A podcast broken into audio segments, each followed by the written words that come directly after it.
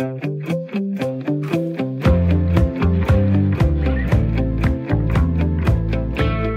lytter til Sommertid. Jeg hedder Lisbeth Broselius Melendes. Min gæst i dag er en kvinde, der hellere end gerne kaster sig ind i debatten, når det gælder køn og ligestilling og museer. Hun har en kant med i nordisk sprog og litteratur og kunsthistorie fra Aarhus Universitet, og har, siden hun blev færdiguddannet, bevæget sig inden for museumsverdenen, hvor tidligere stillinger tæller alt fra rundviser på Aarhus Kunstmus Aarhus Kunstmuseum og museumsinspektør på intet mindre end tre museer, Skagens Museum, Skovgård Museum i Viborg og Kvindemuseet i Aarhus, hvor hun var i fem år, før hun sidste år på kvindernes kampdag tiltrådte som direktør for Kvindemuseet som bare 35-årig. Hun er flittig debattør og klummeskribent, og så er hun ifølge hendes egen øh, LinkedIn-profil aktivist. Velkommen til sommertid, Julie Rock her Birk. Tak for det. Hvorfor er du aktivist? Jeg tror, jeg tror ikke, man kan være direktør for et museum for køn uden at være aktivist. Øh, og i virkeligheden så tror jeg, at de fleste museumsfolk øh, har en aktivist boende inde i sig. Jeg tror, de allerfleste øh, vil noget med det, de laver. Øh, og det er jo det, det handler om. Aktivisme, det handler om at flytte på noget. Det handler om at skabe social forandring. Og det er i den grad noget, vi gør ned hos os. Ja, og det kommer vi nemlig til at snakke lidt mere om, fordi øh, der er nok mange, der har den der opfattelse af museer som nogen, der bare fortæller en, his, en historie fra gamle dage på en eller anden måde. Men Ej, øh, museer, det er, meget... det er um, dig og mig lige her nu, faktisk. ja, det kommer vi ind til. Øh, men hvilke tanker gør du så om brugen af det ord? Fordi altså, det her med at være aktivist, det er også noget, der måske godt kan skræmme nogen væk. Mm. Jamen, det er rigtigt. Altså, og jeg tror egentlig tit, at, at jeg og vi på museet, vi bevæger os tit lige på kanten. Altså, det gør vi, øh, og vi, vi gør en dyd ud af at at provokere og pege på, på normer og pege på vanetænkning. Og nogle gange så skal man bevæge sig lidt på kanten, fordi øh, så, så, så er det også der, det kan rykke noget. Og ellers så er der også en fare for, at det kan blive lidt lige meget det hele. Mm. Så det tør vi altså godt bevæge os ud i. Det tør du godt. Julie Rock Birk, du er med mig i øh, den næste time her i sommertid, hvor jeg hver dag har en gæst med, der har haft noget særligt på spil i løbet af det her underlige år, som 2020 har været for de fleste af os. Jer, der lytter med, vil jeg også meget gerne have med i programmet. I kan skrive ind med spørgsmål til Julie, og dem vil jeg så tage med i løbet af timen. Kom også gerne med dine holdninger til eller erfaringer med det, vi taler om. SMS-nummeret er 1424. Du skriver øh, R4 i starten af din besked, laver et mellemrum, og så skriver du beskeden til os og sender den til programmet Sommertid hos os, og det er på 1424 og Julie Rock Birk, øhm, udover at du er en travl direktør, der gerne deltager i seriøse debatter om køn og ligestilling, så ved jeg, at du elsker at spille trommer, mm. og øver dig pænt meget, ikke? Oh. ja. Du løber ikke helt vildt meget, selv, øh, som du selv har sagt det. øh, men du er til gengæld gammel østjysk mester i badminton og læser digte. Og så ja. elsker du science fiction. Jeg har læst, at det... Passer det ikke godt sammen? Det hele? Jo, jeg synes, det er en virkelig flot kombi. Jeg har læst, at uh, science fiction skal være virkelig møg dårlig, hvis du skulle overveje at droppe og se en science fiction-serie. Ja, er Ja. ja. Og så, ikke mindst, er du gift med Kim, og I har et par tvillinger, en dreng og en pige. Ja. Hvor gamle er de? Syv. Syv. Men øh, det passer nogenlunde indtil videre, det jeg lige fik sagt her. Ja, det lyder her. rigtigt. Ja. Jeg vil gerne tale med dig, især fordi du er som direktør for et af de danske museer kan sætte nogle ord på, øh, hvad det er for nogle udfordringer, men også nogle løsninger, øh, som I i museumsverdenen har stået over for her i coronaperioden. Mm. Øh, hvad er det så, som coronaperioden har, har vist dig om Kvindemuseet og andre museer? Mm. Altså først og fremmest, så var det jo et chok for alle dengang landet lukkede ned, og, og ikke mindst for steder som museerne, fordi vi vi lever jo af, at folk samles. Det er det, det hele går ud på. Øhm, så, så pludselig så var hele vores indtægtsgrundlag jo væk. Mm. Øhm, og det er, jo, det er jo det, der er sket inden for kulturbranchen meget bredt. Men det man jo så også så meget, meget hurtigt, det var, at, øh, at folk blev ret løsningsorienterede. Der var sådan en øh, insisteren øh, på at, at lave museum på trods. Og, altså, hvor hurtigt gik den, altså kom mm, den omstilling? Jeg synes, det gik stærkt. Ja. Øh, jeg synes, det gik meget stærkt. Altså, vi var i gang i løbet af to dage med at lave nye initiativer og simpelthen lave en omstilling. Og jeg tror sådan set, at, at de mindre museer havde lettere ved det. Altså, øh, et museum som, som mit med forholdsvis få ansatte, en, en ret flad øh, organisationsstruktur. Vi kan handle hurtigt, og det gjorde vi også. Altså, øh, og øh, altså, man så det også på Nationalmuseet, det her med at sige, hmm, hvordan kan vi lave museum, selvom vores bygning er lukket? Og der var en eller anden, synes jeg, en endelig erkendelse af, at museer er mere end bare deres bygninger. Øhm, vi, er, vi er dialogplatforme, vi er også publisher-funktioner, vi kan rigtig, rigtig mange ting. Og for mig har det været rigtig, mm, rigtig vigtigt det her med at få, få sagt eftertrykkeligt, at, øh, at vi er en platform, og at vi er nogen, der kan kvalificere øh, altså så kønsdebatten ned på, ned på mit museum. Ikke? Øhm, men jeg synes i virkeligheden, der er rigtig mange museer, der har fået den erkendelse. Ja. Og ved du hvad, Julie Rock Birk, vi vender tilbage til den her historie øh, lige om lidt, og vi skal nå flere ting her i programmet. Du skal også anbefale noget til mig og lytterne, som vi kan lave her i løbet af sommeren. Øh, vi skal tale om, hvad det er, der ligger foran dig på den anden side af sommeren. Øhm, øh, og vi, øh, jeg glæder mig til det hele, men først så skal vi lige kigge på dagens nyheder. For du har taget en historie med til mig, og jeg har taget en med til dig. Men mm. jeg synes, at du skal lægge ud. Jamen, jeg har taget sådan en lille bitte, bitte rubrik med. Øh, jeg tror kun, den var syv linjer i Jyllandsposten i dag. Øh, og det handler om Polen, og det handler om, at der er nogle øh, byer i Polen, som er gået sammen, fordi de vil simpelthen være LGBT-frie zoner. Og de har simpelthen søgt EU om øh, støtte til sådan et samarbejde. Og EU, eller LGBT-fri zoner betyder, at de vil ikke acceptere, at øh, for eksempel homoseksuelle kysser og holder i hånd på gaderne. Og nyheden går så på, at det har EU-kommissionen sagt nej til, og så kommer der et punktum. Men jeg synes, det er en tankevækkende nyhed, og det er jo sådan endnu en bevægelse i, i den her ret øh, konservative retning, som, som foregår i lande som ja, Polen og Ungarn. Altså, det er jo også lande med meget restriktive abortforhold, øh, og det, øh, altså, det, det er så langt væk fra, fra det... Øh, det og det demokrati og den ligestilling, som er i EU og i Danmark for den sags skyld. Og så det, hvad tænker du, når du læser den nyhed? Jamen jeg tænker, hold op, øh, den, den skulle gerne lige blæses op øh, og, og have nogle flere vinkler. Øh, og og man, skal, man skal ligesom man skal være på vagt, når der sker de her ting, fordi ligestilling, det er tit sådan en ting, man kan tage lidt for givet, især her i Danmark. Øh, men hvis man ikke passer på, så kan det egentlig sprede sig, og ting kan altså godt gå tilbage. Så jeg er ret ops på det her med, øh, at, man, at man skal kigge på sådan nogle bevægelser, selv de små bevægelser, som man måske finder ubetydelige, også dem, der er herhjemme, fordi det kan hurtigt sprede sig. Så det, mm. du siger, det er, når du læser syv linjer øh, mm-hmm. om den her historie, mm-hmm. Så er det fordi, vi har det sådan her i Danmark, at det, altså, det er så absurd, det der, at mm. det, øh, det kan vi slet ikke tage seriøst, altså, som, om, som noget, der kunne blive relevant her. Jeg tror, der er, der er der, der, er der masser herhjemme også, der tænker, jamen det lyder da egentlig meget fornuftigt. øhm, altså at lave LGBT-frie zoner. Man skal ikke tro, det ikke findes herhjemme heller. Og jeg tror, det er vigtigt, og, og det er jo også fint, at EU-kommissionen siger nej til den her øh, ansøgning. Øhm, det er vigtigt at, at, at ligesom holde fast i de her værdier, som vi en gang for alle har slået fast på. Altså demokrati, ligestilling, menneskerettigheder. Det er ikke bare noget, vi skal tage for givet, og det kan altså skride. Godt. Den, øh, den historie blev noteret. Så går vi videre til noget lidt andet. Øh, men jeg tror også, min historie den er lige dig, fordi øh, vi har jo lige hørt, at du også er sådan en science fiction lover. Mm-hmm. I dag kl. 13.50 dansk tid sender NASA en raket til Mars, og ombord er køretøjet Perseverance Rover, der skal undersøge, om der har været liv på Mars. Raketten skal lande i det 45 km brede øh, Jezero krater nord for marsiansk ekvator. Der skulle have været en sø, der var ni gange større end Loch Ness, og et tilhørende floddelta. Og derfor så regner man med, at det er her, der er størst sandsynlighed for at finde tegn på liv. Man skal blandt andet undersøge sten for såkaldte biosignaturer. Øh, jeg går ud fra, at det er fossiler, men det er jo ikke fisk, man, man kan regne med at finde. Det er tegn på mikrober eller mikroorganismer. Øh, og det skriver den engelske avis The Guardian.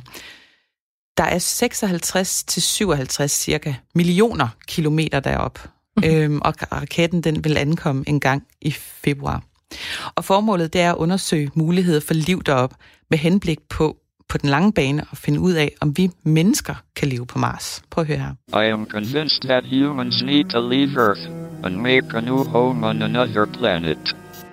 Within 100 years, Ja, det er Stephen Hawking, vi hører her, den kendte teoretiske fysiker, der døde for cirka to år siden. Hvad, hvad siger du til den her historie? jeg tror, jeg er mest, mest til Mars på film. Nej, men jeg synes, på, på den ene side synes jeg, det er helt vildt spændende, og jeg tror også, der kommer en masse god forskning ud af det, altså forskning, man kan bruge hernede på jorden. Jeg kan ikke lade være med at tænke på, at åh, hvor gad jeg godt, at man passede bedre på vores jord nu og her, i stedet for at, at tænke på noget.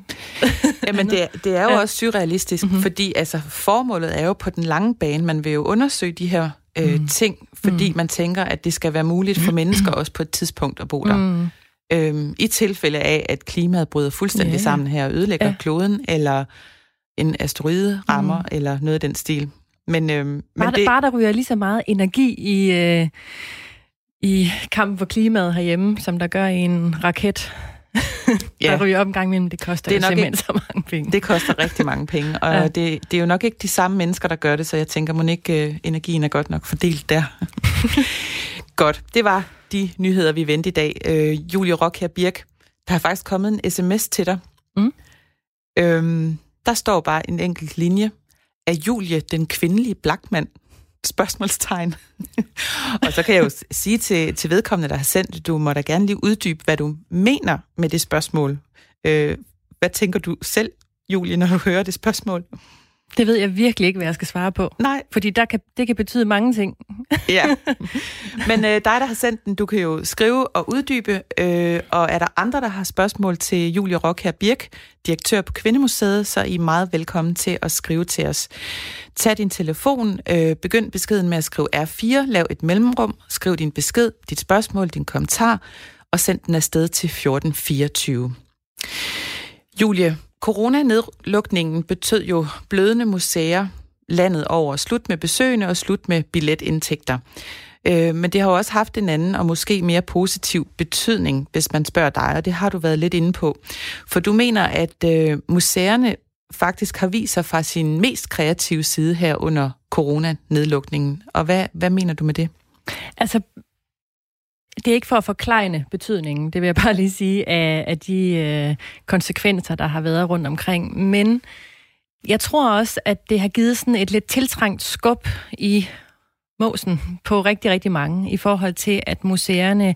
Museerne har jo længe, synes jeg, været på vej ind i sådan en Museum 2.0-æra. På vej ind i øh, en bevægelse, hvor vi bliver mere og mere kommunikative, mere og mere digitale, mere og mere sådan public service-minded. Øh, og jeg tror, at, at der har man ligesom fået sådan et, et et benspænd, så man var nødt til at gøre noget. Og det har de aller, aller fleste, små som store, gjort i en eller anden grad. Øh, og det har jo været øh, et skridt, som også har øh, øget, kan man sige, deltagelsen blandt øh, brugerne af museerne. Altså man, man kommer jo også ud og når nogen, man ellers aldrig ville nå, fordi der er jo, let's face it, der er jo sådan en, en modstand hos rigtig mange i forhold til at gå over tærsklen ind til et museum. Altså, bare ordet museum er behæftet med en masse fordomme omkring ubuha. Skal man vide en masse på forhånd? Er det kedeligt? Er det tørt? Er det... Altså, der er mange, der tænker, det er mm. ikke noget for mig. Men hvad gjorde I helt konkret? Jamen, helt konkret, så øh, to dage efter nedlukningen, så øh, tog jeg med en øh, videofotograf ind på museet, og så lavede jeg simpelthen videoer, videoer, videoer. Og det gjorde jeg øh, rigtig meget i løbet af nedlukningen. Jeg øh, lavede videoer, hvor jeg lavede omvisninger på museet, hvor jeg talte om museernes rolle i samfundet.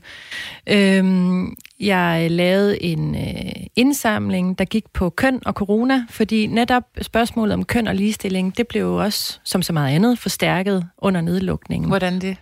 Jamen, man kunne blandt andet se, at, øh, at øh, partnervold, kønnet partnervold, steg markant. Mm. Pludselig var der dobbelt så mange kvinder, der henvendte sig til krisecentre. Øh, man kunne også se øh, det kønnede aspekt i forhold til dem, der blev syge og dem, der blev smittet. Mange flere kvinder end mænd blev smittet, fordi det primært er kvinder, der arbejder i omsorgsfagene. Vi har et meget kønsopdelt arbejdsmarked. Det blev forstærket. Vi så en overrepræsentation af mænd, der øh, øh, blev syge og døde. Og, og der havde vi sådan, der kunne vi se på det her kønnede sundhedsproblem, der er øh, i forhold til mænd. Øh, og sådan var der, var der flere ting. Øh, og, og det vil vi egentlig gerne prøve at undersøge. Og også, hvordan hverdagen blev påvirket hjemme i familierne.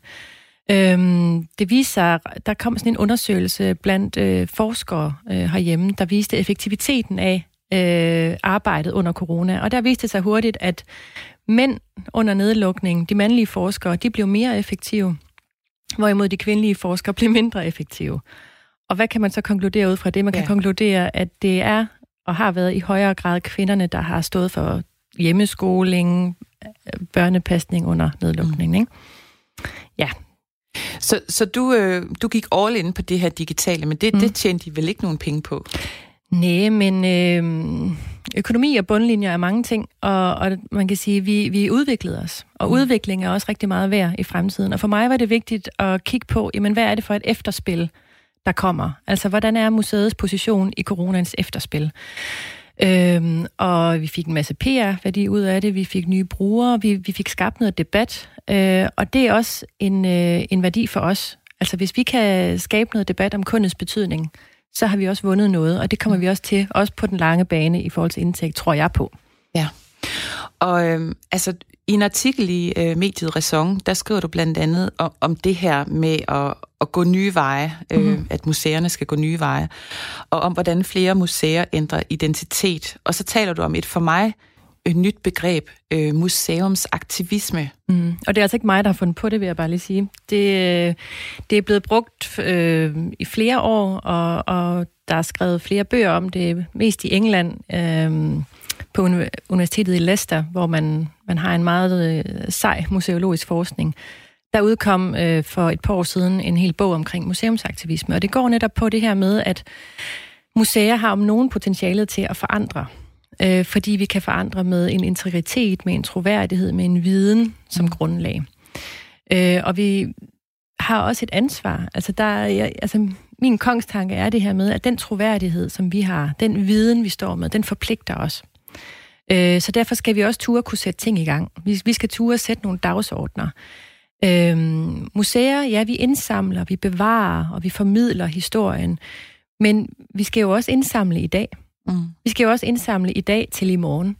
Og hvis jeg indsamler en genstand i dag, så er det i bund og grund en politisk handling, vil jeg mene.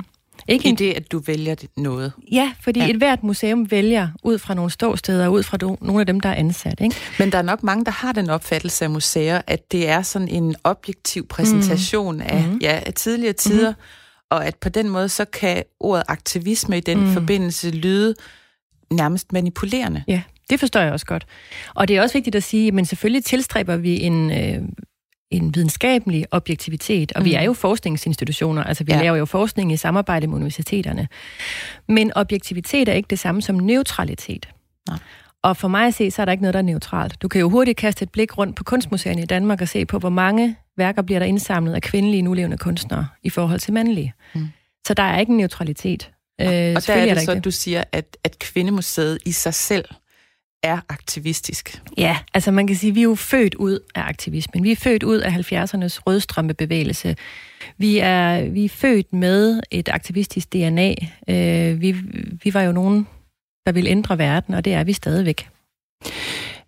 Og, og ja, altså det her spørgsmål, det, det tror jeg næsten, at jeg ved, hvad du vil svare på. Altså, men altså, du mener, at der er brug for mere aktivisme i museumsverdenen? Jeg mener i hvert fald, man skal ture og have holdninger. Øh, man skal ture og, og, og blande sig i debatten. Altså, jeg tror, jeg tror også, øh, debatten og argumentationen i Danmark vil have rigtig, rigtig godt af de kloge stemmer, der sidder ude på øh, museerne, ligesom der er ude på universiteterne i øvrigt. Og, og det tror jeg ikke, man skal være så bange for. Øh, så længe man altid gør det med, med sin faglighed. Øh, Ja. Og jeg tænker, du har tænkt de her tanker om aktivisme, før corona kom. Mm. Men, men hvad har du så lært som direktør i den her periode? Altså, hvad, hvad, hvad vil du tage med videre? Jamen, øh, jeg vil tage med videre den her erkendelse af, at... Øh, altså, det er sådan et lidt fortærsket ord, men det her med at være en agil organisation. Mm. Det, altså hurtig, omstillingsparat. Omstillingsparat, det er sådan lidt ja. fortærsket ord, men der, der, det er bare en, øh, en nødvendighed i den verden, vi lever i. Og den, øh, altså det her med at kunne træffe nogle hurtige valg og sige, nej, nu går vi i den her retning. Øh, det har været en, en meget god oplevelse, synes jeg, og, og det har været en... Øh, det har givet mig sådan en eller anden ro på, nå jamen, det kan vi. Mm. Øh, og det skal vi ikke være bange for at gøre en anden gang. Øh, og man skal, man skal følge det der godt, man kan have, øh, når man bare kan mærke, at nu skal vi bare ændre retning. Har det lige givet dig nye visioner for Kvindemuseet og museumsverdenen? Det er store ord, men altså, mm. har det det? Det har i hvert fald forstærket de visioner, jeg havde. Mm. Og det har forstærket øh, hurtigheden, hvormed de kommer til at ske. Da du tiltrådte som øh, museumsdirektør på Kvindemuseet, der blev du interviewet af blandt andre politikken og rigtig mange andre. Mm. Øh, og I snakkede om Kvindemuseets rolle som museum for køn og ligestilling. Ja. Og der spurgte journalisten fra politikken så, skal I ikke ændre navnet? Øh, og kan du huske, hvad I svarede dengang? Ja, jeg kan sagtens huske det. Jeg sagde, ja, alt det der, det kommer vi til, sagde jeg. Ja. Øhm, og og det er jo klart, Kvindemuseet det ændrede faktisk ansvarsområde allerede i 2016, hvor øh, vi gik fra at skulle behandle kvinders kulturhistorie til kønnenes kulturhistorie. Og det er faktisk en markant forskel. Det er en, en, et bredere fokus, det er et relevant fokus. Et dobbelt så stort fokus, kan man sige. Ja, på den ene og på den anden måde, fordi vi, man kan ikke snakke kvinderoller uden også at snakke mænds roller i samfundet. Øhm, og man kan sige, at på universiteterne hed det engang kvindeforskningen, nu hedder det kønsforskningen. Så den bevægelse, det er en bevægelse, der er gang i på museet, og det vil også blive manifesteret i navnet fremover der ligger ikke i det så, at man vil se både på kvinder og, og mænd, at man mener, at kampen for kvinders ligestilling er så godt som bundet? Nej, slet ikke. Men det betyder, at vi er gået fra at have et klart behov for at kigge på kvinders position i samfundet, til at kigge på kønnenes relationer. Mm. Og, øh, og det er rigtig, rigtig vigtigt at kigge på, at i dag der har vi også nogle øh, problematikker omkring maskulinitet, vi er nødt til at tale om, også når vi taler kvinderoller. Vi har også nogle øh, problematikker omkring kønsidentitet, vi er nødt til at tale om, som måske ikke var så presserende for de godt 35 år siden museet opstod. Mm-hmm. Øh, verden er en anden, og museer handler om at, at kigge på i dag med fortidens øjne. Og vi er forpligtet til at, at indsamle, som jeg sagde før, dagen i dag til dagen i morgen. Så derfor så skal vi også holde os ajour øh, og følge med tiden på den måde. Men den røde tråd er skam helt den samme. Vi har helt råd tilbage til rødderne på museet, hvor, hvor det handlede om aktivisme, om at ændre verden. Det er sådan set fuldstændig uændret. Og jeg kan jo spørge dig, hvordan står det til med ligestillingen i Danmark? Fordi hvis, altså, hvis vi så tager kvinders ligestilling for eksempel, mm-hmm. jamen er det en kurve, der bare går stødt op af, at det bliver bedre og bedre og bedre? Jamen, der er rigtig, rigtig meget, der går fremad. Men i Danmark, der er der sådan et mærkeligt paradoks, og jeg taler næsten altid om det, når nogen spørger mig. Jeg synes, øh, der er sådan en holdning til, jamen, vi har jo ligestilling. Det går fint, og slap nu af, Julie. Der er, alt er godt, ikke? Men når man kigger på, på statistikker, så går det faktisk ikke særlig godt i Danmark i forhold til de lande, vi sammenligner os med. Og vi, vi rykker egentlig længere og længere ned, når det kommer til for eksempel økonomisk ligestilling, altså ligeløn når det kommer til politisk magt. Øh, sundhedsmæssig ligestilling, der er mændene under kvinderne. Ligestilling handler jo altså om mm. forskellen. Ikke? Ja. Øhm, I halvdelen af mellemstore og store virksomheder i Danmark, der sidder der ikke en eneste kvinde i bestyrelsen. Så noget, halvdelen, ja. ja. ja. Og, og det der med nogle gange lige at huske på, øh, jamen en ting det er tallene, og så er der selvfølgelig også vores adfærd. Øhm, man kan sige, 9 procent af danske mænd tager barselsårlov. Hvad gør det så i forhold til netop kvinders karrieremuligheder og løn osv.? Der er en masse, masse problematikker, som virkelig er værd at tale om. Og også som mand. Og det kommer vi til at snakke videre om lige om lidt, øh, hvor vi fortsætter snakken om ligestilling, og netop, ja, vi skal tale lidt mere om mænd også. Men øh, du skal lige høre, Julie, fordi kan du huske den øh, sms, du fik tidligere? Mm. Der var en, der spurgte, er Julie den kvindelige Blackman? Nu har vi nu har vi fået, øh, nu har vi fået en uddybning, der står, Julia trommeslager som Blackman tør være sig selv. Det var det, det ah! handlede om. jeg troede, det var sådan noget med, at man gerne ville se nogen tage tøjet af. Nå, men det, der, det var da en, god kompliment, den her. Ja. Ja, altså hvor fedt er det for dig, det der med at spille trommer? Hvor, hvor, hvor meget går du op i det? Øhm, jeg går ret meget op i det, og så plejer jeg at sige, at selvindbildning er en meget god ting. Jeg kan sådan virkelig bilde mig selv ind, jeg er rigtig, rigtig god, når jeg sidder der. Godt. Øhm, vi taler videre lige om lidt, øh, Julie, men øh, jeg vil også lige komme med endnu en opmundring til jer lyttere, der er med. Øh, send os en besked, og øhm, øh, tag din telefon, skriv øh, R4 lav et mellemrum, skriv din besked, og så send den afsted til, til os herinde på sommertid. Nummeret det er 1424. Øhm, lige om et øjeblik, så er der et nyhedsoverblik, og på den anden side, så øh, taler vi videre med Julie Rockher Birk, der er museumsdirektør på Kvindemuseet. Det er blevet tid til nyheder her på Radio 4. Efter tre måneder i træk med en stor stigning i arbejdsløsheden, så blev køen af ledige en anelse kortere i juni. Det viser tal fra Danmarks Statistik. Bruttoledigheden den faldt med 4.100 personer i juni, efter at den steg markant i både marts, april og i maj. Arbejdsløsheden er på 5,5 procent, og det er 0,1 procentpoint lavere end i maj. Men selvom juni bød på en smule bedring, så er der udsigt til flere ledige i den kommende tid. Det vurderer Jeppe Juhl Borger, der er cheføkonom i Arbejdernes Landsbank, og det hænger blandt andet sammen med, at ordningen for lønkompensation udløber den 31. august. Der har været et højere niveau ledet i juli set på andre statistikker, men samtidig så vil den her afslutning, udfasning af lønkompensationen altså også betyde, at der er nogen, som er inde i ledighed, som i dag er på lønkompensation. Og så endelig skal vi også huske på, at coronakrisen er langt fra afblæst, og jeg forventer også, at den kommer til at massere sig ud i bredere dele af økonomien end sådan de første og hårdeste ramte brancher. Og, og der forventer jeg, at der er nogle virksomheder, som vil trimme medarbejderstaten til at vende sig til den her nye virkelighed efter et enormt økonomisk tilbageslag. Det siger Jeppe Juhl Borger. Beskæftigelsesministeriet har under coronakrisen dagligt opdateret tal for ledigheden, og i juli der er køen af ledige vokset med omkring 5.000 personer. Modsat Danmarks statistik, så er det tal baseret på enkelt personer, og det er ikke korrigeret for sæsonudsving. Men trods den store stigning i ledigheden, så er Jeppe Juhl Borger optimistisk på den lidt længere bane dansk økonomi var i en enorm god forfatning, inden vi trådte ind i krisen. Beskæftigelsen var på var rekordhøj, aldrig har så mange været i arbejde. Og, og så når vi også ser på typen af krisen, som altså har ramt med en rivende fart og fået leden til at banke op på ganske, ganske få måneder, jamen så den her type af krise, jamen det kan altså også godt betyde, at lige så snart man får dem op på sluserne, at så kommer økonomien i gang igen, og det ser vi sådan spæde tegn på i økonomien allerede. Coronakrisen har sandsynligvis sendt USA's BNP ud i det største fald nogensinde i årets andet kvartal. Det siger chefen for landets nationalbank, efter at centralbanken har afsluttet et rentemøde. Det skriver Bloomberg News. I dag kommer der tal for, hvordan den amerikanske BNP, som er et udtryk for den samlede størrelse af landets økonomi, har udviklet sig. Og her forventer økonomerne et fald på 34,5 procent i april, maj og juni, når der sammenlignes med kvartalet før. I Vietnams hovedstad vil myndighederne teste 21.000 personer, der for nylig er vendt tilbage fra byen Da Nang. Det oplyser myndighederne i Hanoi. Meldingen kommer, mens myndighederne i Vietnam er i kapløb med tiden om at inddæmme landets første udbrud af coronavirus siden april. De tusindvis af tests vil finde sted fra i dag og til lørdag, oplyser byens administration i en erklæring. Hanoi registrerede tidligere i dag sit første tilfælde af covid-19, og det kunne knyttes til et nyligt udbrud i den centrale by Da Nang.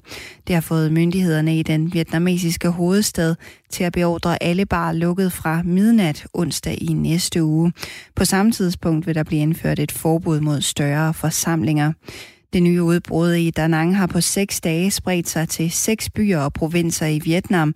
I weekenden alene blev der registreret 42 nye smittetilfælde. I dag får vi mest skyet vejr med enkelte byer, men i eftermiddag tør der opklaring med lidt eller nogen sol. Temperatur mellem 14 og 20 grader og jævn til hård vind fra vest ved kysterne stedvis op til kuling.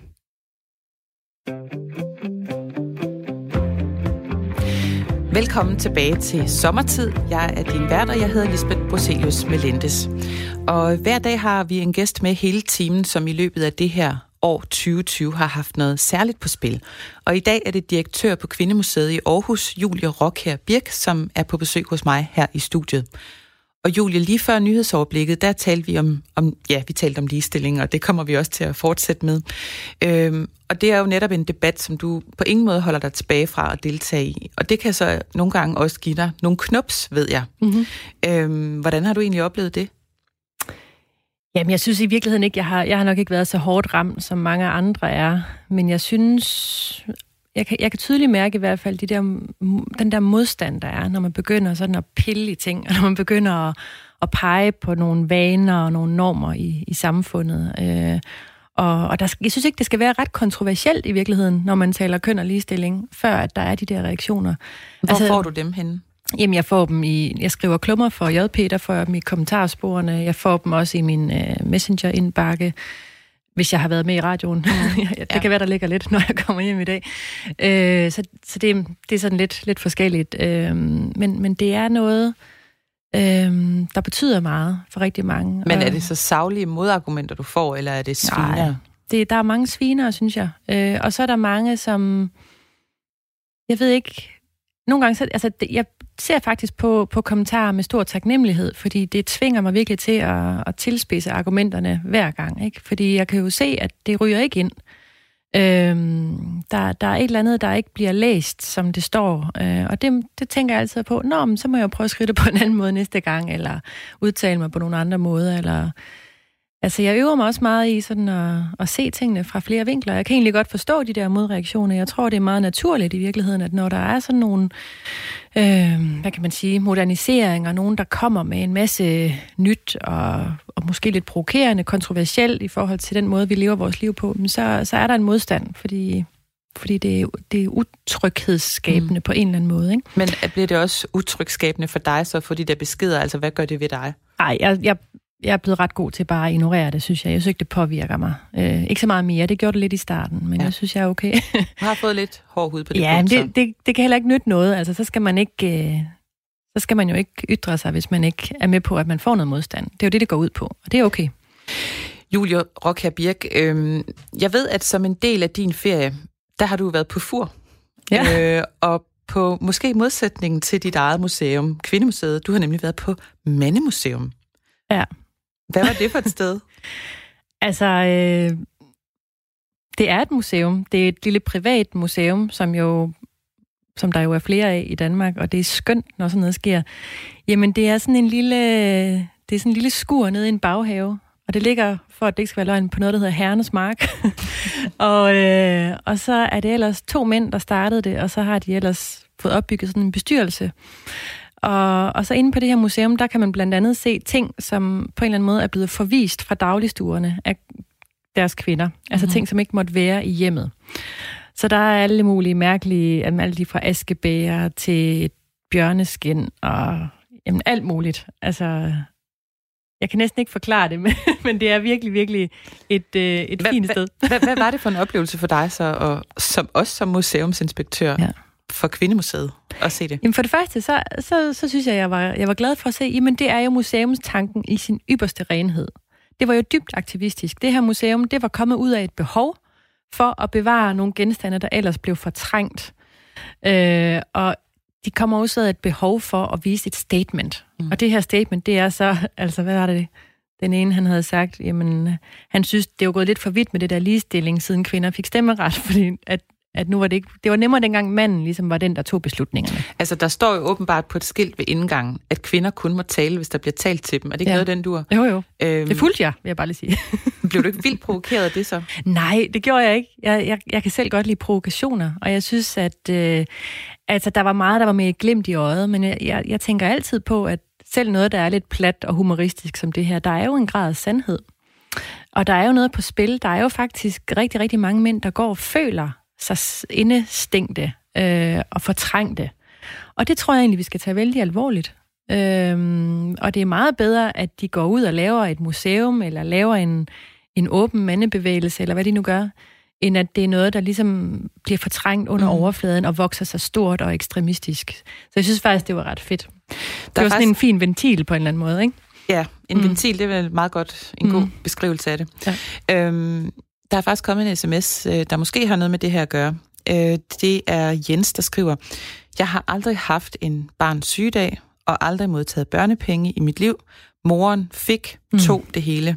Børnene er nu voksne. God morgen. Yes.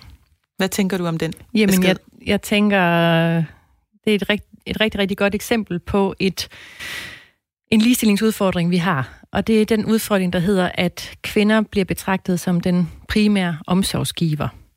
Og det er fuldstændig korrekt. Kvinder, det har jeg selv gjort, modtager børnepengene entydigt. Vi er også dem, der tager øh, barslen, fordi hvad, vi har også ret til størstedelen af barslen. Kvinder har ret til 14 uger, mænd har ret til 14 dage. Og bemærk, at jeg siger ret, og mm. ikke øremærkning. Det handler virkelig om en rettighed, man får. Og den der skævevridning, der egentlig er allerede fra man bliver gravid og går til jordmor og ligger på mor- og barnafdelingen, når man føder og har barsel og det hele, det er jo sådan en skævvridning, der bliver ved langt op. Det er også en skævvridning, mange mænd mærker, når de bliver skilte, at, at så er det typisk også kvinder, der får øh, mere, øh, hvad hedder det, forældremyndighed og så videre, ikke? Så det der med, at kvinden, hun sådan er den primære omsorgsgiver, det, det er noget, som øh, eskalerer ned både i kvinders egne karrieremuligheder, men også i forhold til mandens forhold med sine børn. Det er også noget, der påvirker børnene selv, at de ikke har et... Men ligesom ja. der så tales meget om for eksempel at fremme kvinders øh, ligestilling, for eksempel mm. på, på jobmarkedet og i forhold mm. til løn og så videre, er der så lige så meget øh, vilje til at tale om ligestilling i forhold til mænd, for eksempel i forhold til børn? Jamen, jeg ser, synes, ser du ja. den samme aktivisme der? Øhm, det begynder i hvert fald så småt. Jeg synes, der er rigtig, rigtig mange mænd, der begynder sådan at organisere sig og, og lave øh, grupperinger, der netop vil diskutere det her. øh, og begynder at kigge lidt mere nuanceret på det. Øh, og det er blevet meget mere, øh, tror jeg, let for mænd at, at snakke om, at de gerne vil være sammen med deres børn, end det har været. Men jeg, jeg, det vil på en eller anden måde klæde Danmark, synes jeg, hvis man understøttede det, for eksempel med en, en bedre fordeling af barsel. Men er det så også et område, du føler dig ligesom forpligtet på at, ja. at tale frem, eller ja. tale op det her med, med mænds rettighed, for eksempel ja. i skilsmisser osv.? Ja. Ja. Godt. Ved du hvad, øh, Julie Rockherbjerg, tiden den flyver jo allerede, øh, så øh, vi skal også nå at snakke om din sommer. Du lytter til programmet Sommertid, hvor Julie Rock her Birk er min gæst frem til klokken 10. Øh, dig, der lytter med, kan stille spørgsmål til hende, øh, kommentere det, du hører, eller ja, send det til os på nummeret 1424. Begynd din besked med R4, lav et mellemrum og skriv så din besked. Ja, øh, Julia, nu har vi jo så talt øh, om meget af det, du har oplevet her i første halvdel af dit 2020, og noget, der jo så har været kendetegnende for os alle sammen, det er selvfølgelig øh, corona, som jo stadig præger de fleste af os her i sommeren. Øhm, og du er sådan, du, din sommerferie synger på sidste vers nu, ikke? Du er i gang med den sidste uge. Jo. du ser lidt trist ud. Hvor har du holdt ferie henne? Jamen, jeg har holdt ferie i mit familiesommerhus i Nordjylland, og så har jeg været med mine tvillinger på Fur, og så har vi købt sådan et sommerhus ude i en skov, ude i Søhøjlandet, hvor vi også har været. Det har sådan stået lidt mest på oprydning og renovering. Og sådan er det ikke noget med, det er et kæmpe stort sommerhus, I har købt? Jo, det er det. Og der er 66.000 kvadratmeter grund til, og 20 får.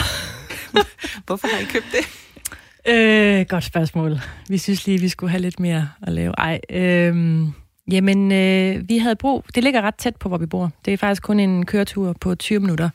Og vi havde brug for at have sådan et, øh, et getaway ja. herinde fra byen. Altså hvis jeg skal skrive et eller andet, så kan jeg tage derud og samtidig møde ind på arbejde næste morgen. Og det er, det er sådan et helle, og det er meget, meget smukt. Det er sådan et hus inde i en skov, og så med udsigt over en sø. Så det er sådan meget ja. væk fra alting. Men det blev ikke til så meget renovering, som I havde planlagt, kan jeg forstå? Nej. Nej. Nå, men øh, sommeren er jo ikke helt slut endnu. Øh, så øh, måske kan du nå en, endnu en aktivitet. Jeg ved det ikke. Du er jo en travl dame, og så nogle gange så er fornemmelsen med travle mennesker, enten så er de sådan helt vilde med sport, og har også travlt med det, når de endelig har fri. Er det dig? Nej, altså hvis jeg har tid, så kan jeg godt lide at, at løbe en tur og sådan noget, men, men jeg vil hellere jeg vil hellere bruge min tid, hvis den er knap, på øh, mine unger, eller på at sidde og stige lidt ud i luften. Fordi så er der også afslappningstypen, der måske nyder at flade lidt ud på sofaen og drikke ja, et godt glas vin. Det gør altså, jeg også. Hvad hælder du mest til? Det kommer lidt an på... Det ved jeg ikke. Lidt begge dele, men, men jeg, helt, jeg vil helt klart sige, jamen, jeg løber ikke hver dag, og jeg øh, dyrker alt for lidt motion, men jeg spiller til gengæld fodbold med mine børn, og det giver også lidt, tror jeg. og til gengæld drikker du også så et glas vin en gang imellem. Ja da. Ja. Samtidig så har du også fortalt mig, at øh, du næsten dagligt mediterer. Mm-hmm. Næsten dagligt. Det er jo øh, også en form for motion, vil jeg bare lige sige. Bare i hjernen. Ja, okay. Ja. Ja. Men jeg tror, vi har fundet noget, der faktisk kan koble alle tre ting sammen. Motion, meditation og vin. Velkommen til dig, Helene Stefansen. Jo, tak. Du er yogainstruktør, og sammen med de to kvinder bag winers.dk har du udviklet konceptet vin-yoga. Hvad er det ja. for en størrelse, og hvordan kom I dog på den idé? um, um, vi fik faktisk ideen, fordi vi sad en aften og drak vin. Uh, det er der, der tit opstår sådan nogle gode idéer. Um, og så kom vi bare til at snakke om, at de har jo den vinblog, hvor de snakker meget om vin. Og ja, jeg kan jo godt lide at dyrke yoga. Og så kom vi jo på, at vi kunne da kombinere de to ting. Og, og så simpelthen bare kalde det en helt simpel vinyoga. Og ja, så dagen efter, der synes jeg stadig, det var en god idé. Og så begyndte vi bare... det synes jeg også dagen efter. Udvikle. det er tit det der, man får en god idé, og så dagen efter, ah, det ved ikke helt. Men øh, det, vi synes at stadig, det var en god idé. Og så begyndte vi at, sådan at, at snakke videre om det, og få det sådan sat op som et koncept. Øhm, okay, ja, jeg skal bare lige for at forstå det. det. Så, så det er, hvad det lyder til at være. Man laver yoga ja. og drikker vin samtidig. Ja, altså man, det er faktisk, vi har sat det op sådan, at man, det er en vinsmagning, en rigtig vinsmagning, hvor vi har fem udvalgte vine med. Og så til hver vin, der har vi så en lille yogasekvens, der passer til vinen. Så man kommer igennem en hel yogasession, hvor man både mediterer og kommer ind i nogle dybe stræk og har nogle styrkeøvelser. Og så til hver, der har vi så en vin, der passer til. Altså... For eksempel, hvis man kan nogle dybe stræk, så får vi sådan en, måske en lidt dyb rød, øh, rødvin, der sådan kan, kan passe ind. Ja. Hvor svært niveau af yoga og vinsmagning taler vi om? Det er for alle. Det er netop det, der også er lidt konceptet i det der, at, at du kan være med uanset om du har prøvet yoga før, eller du kender noget til vinen. Altså det er ligesom en måde, du kan snuse til det hele på. Og hvad får og man så... tilpasser altid niveauet. Og hvad får man så ud af det? Jamen, det er den der... Øhm, altså, man får den der ro, der er fra yogaen. Altså, man falder ned på måtten og, og altså, mediterer lidt. ja. Og ja, og så også samtidig for vinen. Altså, den der kombination med, at man også smager på vinen og mærker vinen og fornemmer vinen. Det samme det gør man også i yogaen. Så det var derfor, vi, tyngte, vi egentlig kunne høre, når vi snakkede om det. Når de snakkede om vinen, og jeg snakker om yogaen, hvad den giver mig, så det er det samme net effekt, den giver, øh, vinen giver for dem. Og det var det, vi synes, det var lidt sjovt. Altså, vi synes, at de passede så godt sammen, de to. Hvor og, og hvordan kan man så få en hø smagsprøve af det her vin, vin-yoga? Øh, altså, vi indtil videre, så holder vi events øh, primært i Aarhus, hvor det er der, vi hører til. Men øh, man kan også skrive til os og høre, hvis vi kommer ud til en anden by, for eksempel.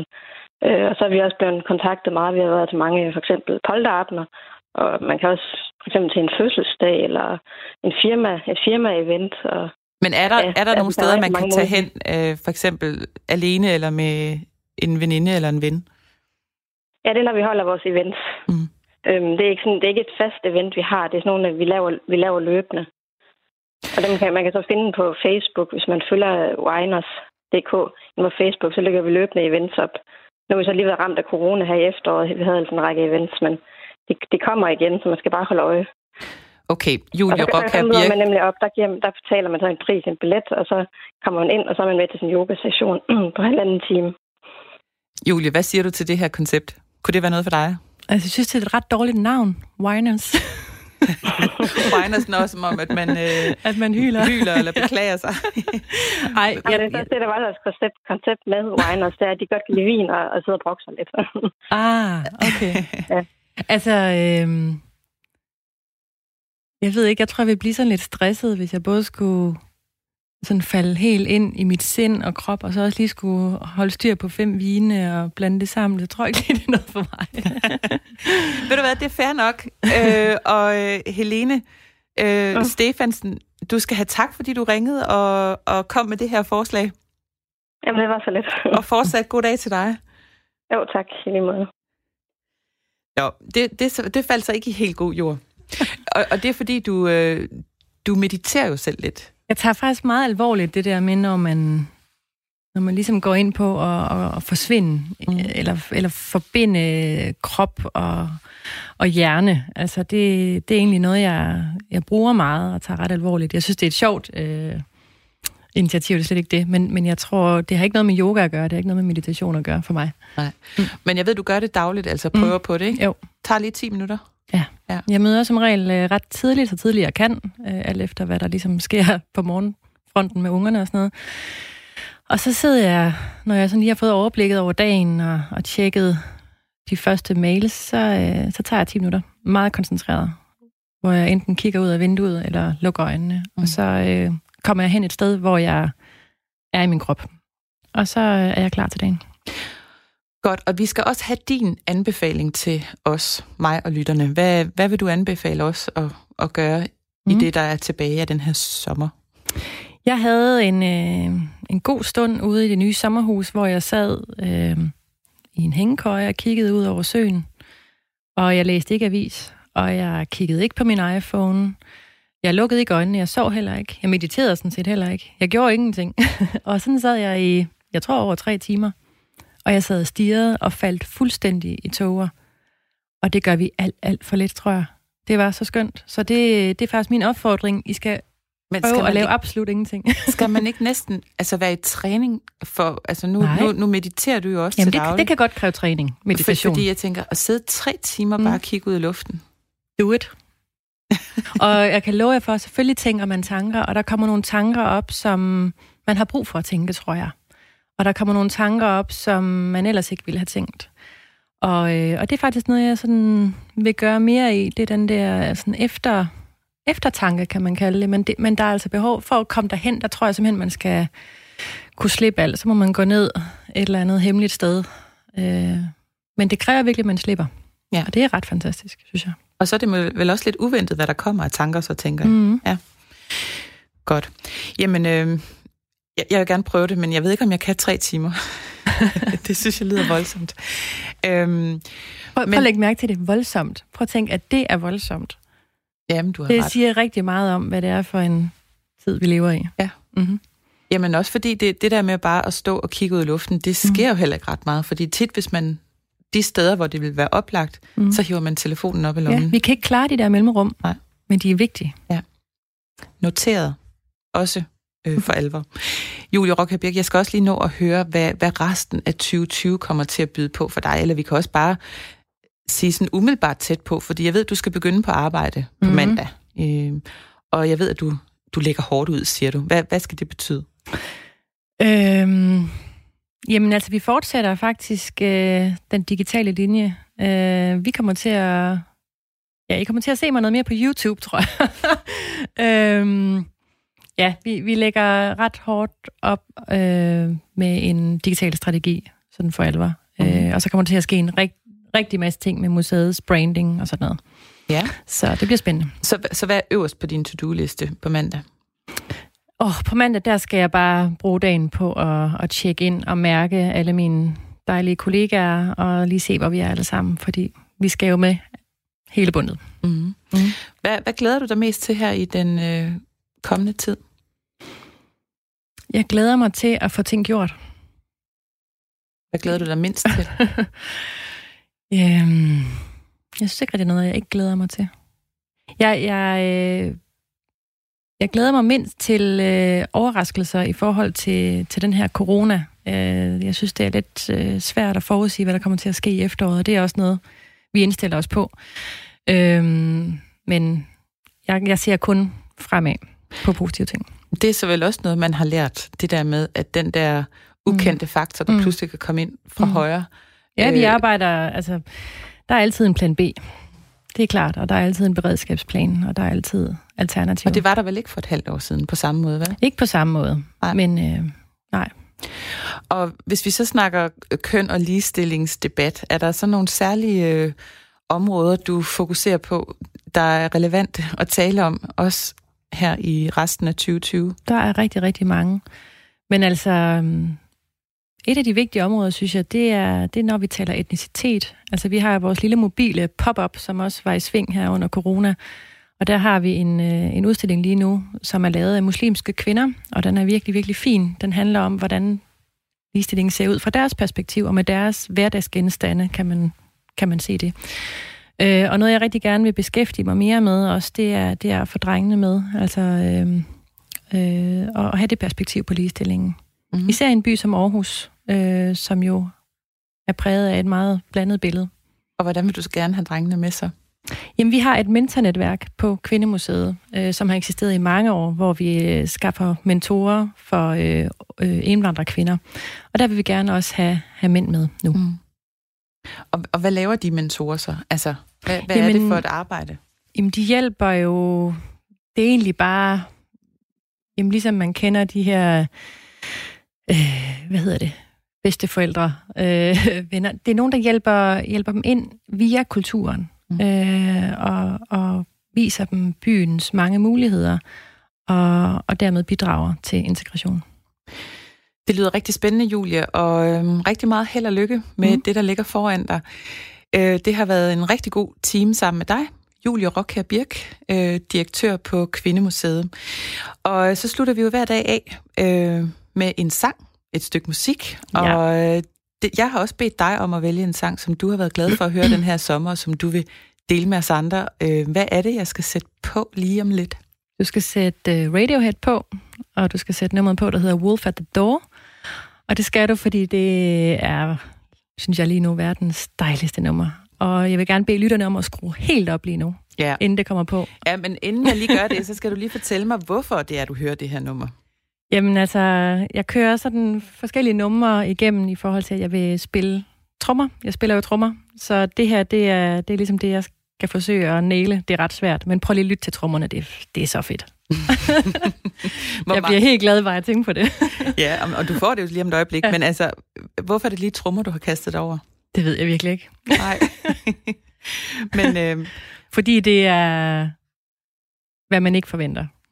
Ja, er det fordi, det passer godt med en direktør på Kvindemuseet? Nej, det gjorde jeg langt før jeg startede på Kvindemuseet. Hvor meget spiller du om dagen?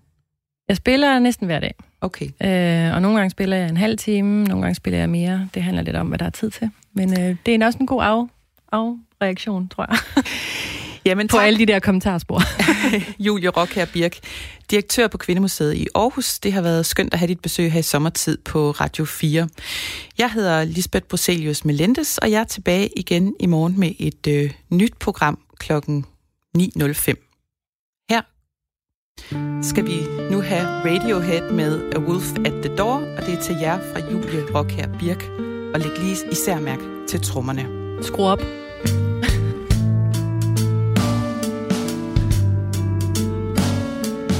Drag him out you window, dragging out the dead, singing a mess. You snakes and let us slip the lid. Up pops the cracker, snaps you in the head, snaps you in the neck, kicks you in the teeth, steel toe caps, takes all your credit cards, get up, get the guns, get the X, get the flat in the face,